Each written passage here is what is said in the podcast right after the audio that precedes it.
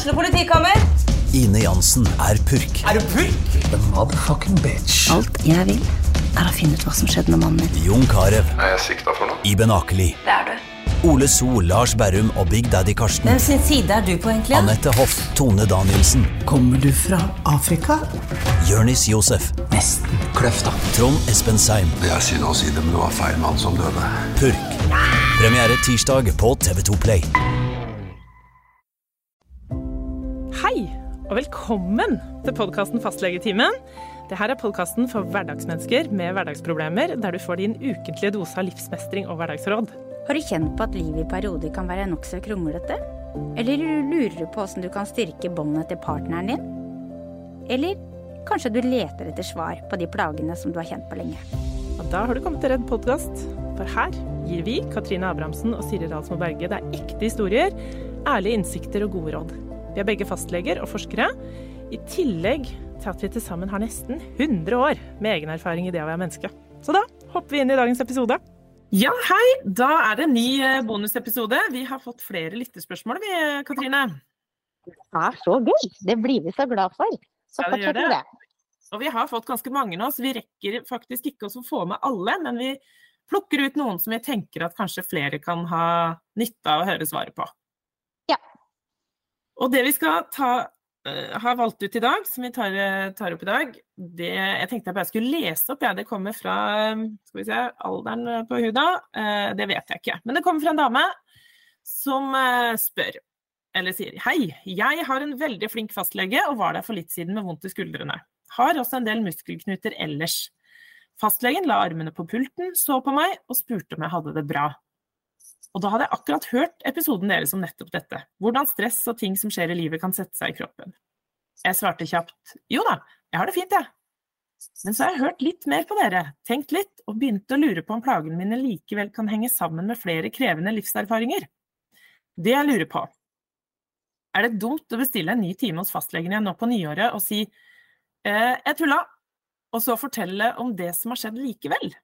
Å, det Da må jeg for det første si et kjempebra spørsmål og et unisont ja, bestill for all del en ny time. Helt Eh, enig. Ja, det er virkelig bonuspoeng til deg, altså, som har sendt inn det spørsmålet. Fordi det er jo det vi som fastleger håper på, at vi innimellom stiller noen spørsmål som kanskje får pasientene til å tenke over hva problemet egentlig kan være.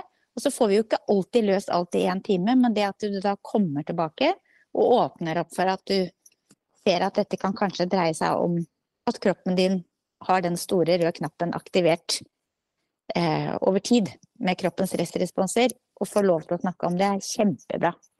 Mm.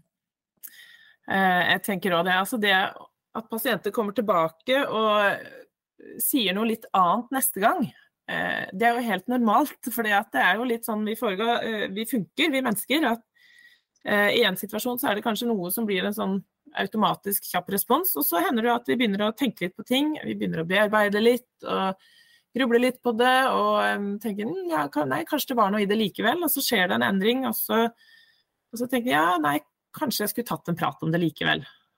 Eh, og det er jo Altså, vi ser jo på det stort sett som bare en sånn tillitserklæring å få en sånn, en sånn ny, ny time som det, da. Der uh, pasientene har tenkt litt på det vi snakka om sist, og sett at kanskje er det litt annerledes enn sånn de først tenkte. Jeg er helt enig.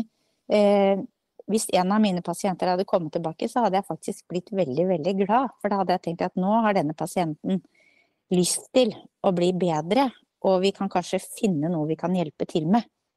Så må vi også skryte av kollegaen vår, da, de.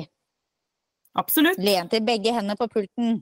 Hvordan går det ellers? Altså det å åpne opp for at det er kanskje flere forklaringer på muskelsmertene, det er eh, veldig, veldig bra. Så honnør Mm. til fastlegekollegaen vår. Mm, absolutt. Lytterspørsmål. I en episode snakket dere om at stress setter seg i kroppen, f.eks. i ryggen, nakken osv. Jeg lurer på om stress eller indre uro også kan sette seg i halsen. Jeg har en følelse at det er en klump i halsen som ikke går bort. Det var et veldig, veldig godt spørsmål. Og igjen så må vi bare rose, rose dere for at dere sender inn til oss og stiller så gode spørsmål. og åpner opp for at det kan være forskjellige forklaringer til plager. Så um, all honnør til deg som har skrevet inn til oss. Og svaret er ja.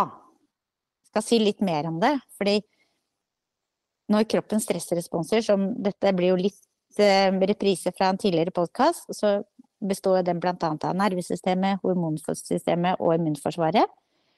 Og særlig det med et overaktivt nervesystem, det kan gi en sånn type klumpfølelse i halsen. Um, og det kan du kanskje legge merke til at hvis det er perioder hvor du har kanskje kjent litt mer på uro og hatt det så kan du kanskje kjenne at den klumpfølelsen eh, kommer tilbake. Og i perioder hvor du kanskje er mer avslappa og, og, har det litt bedre, så er den kanskje borte. Mm. Eh, så det som du egentlig kan bruke den si, klumpfølelsen til, er at nå prøver kroppen å fortelle deg noe. Eh, nå er det noe du, den vil fortelle deg.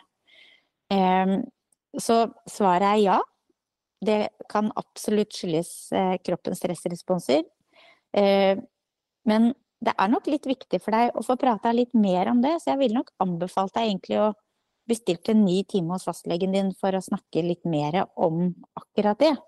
Sånn at mm. du kan få en enda mer detaljert eh, forklaring, og, og kanskje også bare få en undersøkelse av halsen også, sånn at du føler deg trygg på at det, det ikke er noe annet. Ja, for det tenker jeg også er litt viktig. Hvis man, mm -hmm. hvis man går med en sånn klumpfølelse i halsen, eh, som er ny f.eks., nettopp har kommet, eller som, eh, som, har vært litt over tid, uten, uten, at du ser noe sånn av og på-mønster, så er det jo viktig også å få undersøkt eh, at ikke det er andre ting også.